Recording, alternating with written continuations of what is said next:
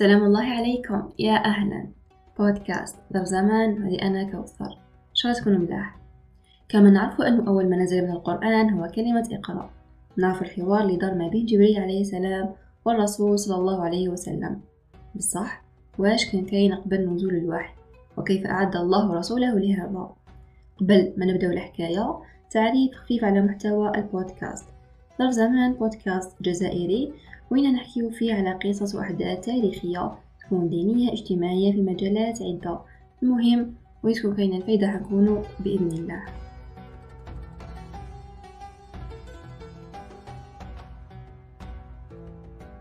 الرؤيا الصادقة. كانت أول حاجة بدأت بها النبوة. كانت قبل ست أشهر من بداية نزول الوحي.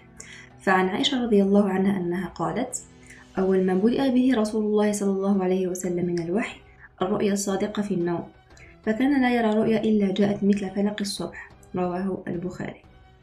كما قال ابن حجر في فتح الباري بدأ بالرؤيا الصادقة ليكون تمهيدا وتوطئة لليقظة والمراد بفلق الصبح ضياؤه وخاصة بالتشبيه لظهوره الواضح الذي لا شك فيه. وقال قاضي العياض أن الرؤيا الصادقة أول منازل الوحي وأن رؤيا الأنبياء وحي كانت هذه توطئة الوجه جاي في اليقظة ولازم نعرف أمر مهم. أن جميع رؤيا النبي صلى الله عليه وسلم صحيحة ما كاش فيها ما يسمى بأضغاث وأحلام هذا أول أمر. الأمر الثاني رؤيا النبي صلى الله عليه وسلم كلها واضحة المقصد كما عبرت عليها عائشة رضي الله عنها بقولها مثل فلق الصبح.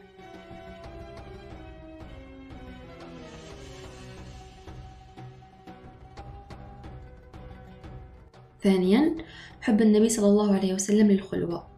كي قرب صلى الله عليه وسلم باش يدير بين سنة وقبيل نزول الوحي حبب الله تعالى له الخلوة. كان غار حراء مكانه للخلوة والتفكر. حراء جبل جاي في الجانب الشمالي الغربي من مكة. وكان صلى الله عليه وسلم يخلو بربه شهرا في كل عام ويعتكف في رمضان. أما غير هذا فكان يخالط الناس ويصبر على ما فيهم من أذى وشر. عن عائشة رضي الله عنها أنها قالت فكان لا يرى رؤيا إلا جاءت مثل فلق الصبح. ثم حبب إليه الخلاء وكان يخلو بغار حراء فيتحنث فيه بمعنى التعبد. الليالي ذوات العدد قبل أن ينزع إلى أهله ويتزود لذلك. ثم يرجع إلى خديجة فيتزود لمثلها حتى جاءه الحق وهو في غار حراء. رواه البخاري. صح بالصح. هل كش واحد فينا؟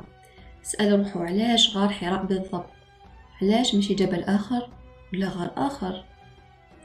يقول ابن حجر في فتح الباري الحكمة من تخصيصه صلى الله عليه وسلم بالخلوة في غار حراء أن المقيم فيه كان يمكنه رؤية الكعبة فيجتمع لمن يخلو فيه ثلاث عبادات وهي الخلوة التعبد والنظر إلى البيت. شفاو عليها.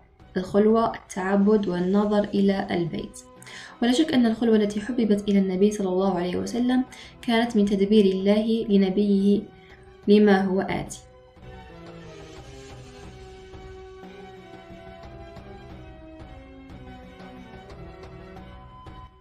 ثالثا تسليم الحجر على النبي صلى الله عليه وسلم.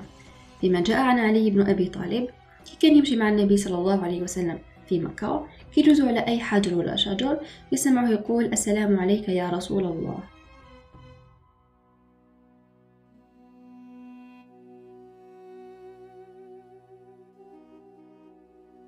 الأمر الرابع سماع النبي صلى الله عليه وسلم صوتا ورؤيته ضوءا. قال الرسول صلى الله عليه وسلم لخديجة رضي الله عنها إني أرى ضوءا وأسمع صوتا وإني أخشى أن يكون بي جنن قالت لم يكن الله ليفعل ذلك يا ابن عبد الله ثم أتت ورقة بن نوفل فذكر ذلك له فقال إن يكن صادقا فإن هذا ناموس مثل ناموس موسى فإن بعث وأنا حي فسأعززه بمعنى أوقره وأنصره. قال ابن كثير الناموس صاحب السر الخير أراد به جبريل عليه السلام لأن الله تعالى خصه بالوحي والغيب اللذين لا يطلع عليهما غيره. وورقة بن نوفل. تنصر وقرأ ما وجد من كتب الأقدمين فاستقر على النصرانية وكان من علمائها.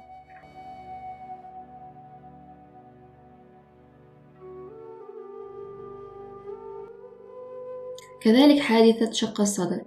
هو أن الملائكة شقت صدر النبي صلى الله عليه وسلم. وخرجت قلبه.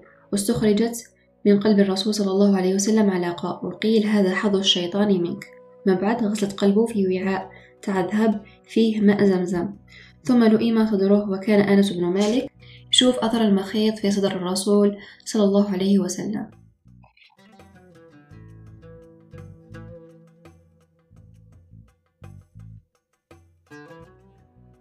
صح ندول المفيد. الحساب وش كنا نهضروا سابقا. النبي صلى الله عليه وسلم جاز على مراحل من التهيئة والإعداد وكل هذا استمر أربعين عام. وفي هذا حكمة من الله عز وجل وهو التأني والتدرج في التربية. التدرج سنة من سنن الله عز وجل في التغيير والإصلاح والتربية. والأمر بالمعروف والنهي عن المنكر يحتاج إلى تدرج وصبر.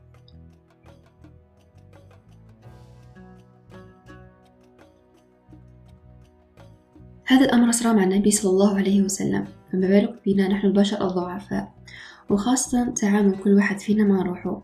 بزاف منا يصرى له هذا الموقف. قبل ما يرقد يوعد نفسه باللي خلاص غدوة يتبدل ويبدأ يخدم على أهدافه. النهار الأول يتحمس نقولو يخدم ثلاثين بالمية النهار الثاني ينقص الحماس ويخدم عشرين بالمية أي نهار الثالث ما يدير والو؟ يبدأ يكره ويضيق له ويقول أنا خلاص مستحيل نتبدل. لكن كنا نشوفه نتأملوا غير شوية في حياة النبي صلى الله عليه وسلم كل حاجة جات بالتدرج والتأني.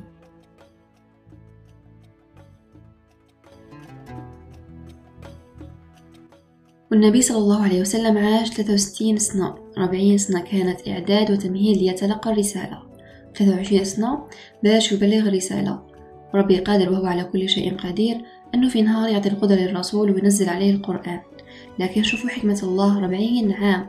لتربية النبي ليحمل بعد ذلك هم الدعوة. من هذا نتعلم أنه لا معنى للاستعجال في تربيتنا لأنفسنا وللناس. تغيير يجي بشوية دوكا حتى نوصلوا للمبتغى بإذن الله.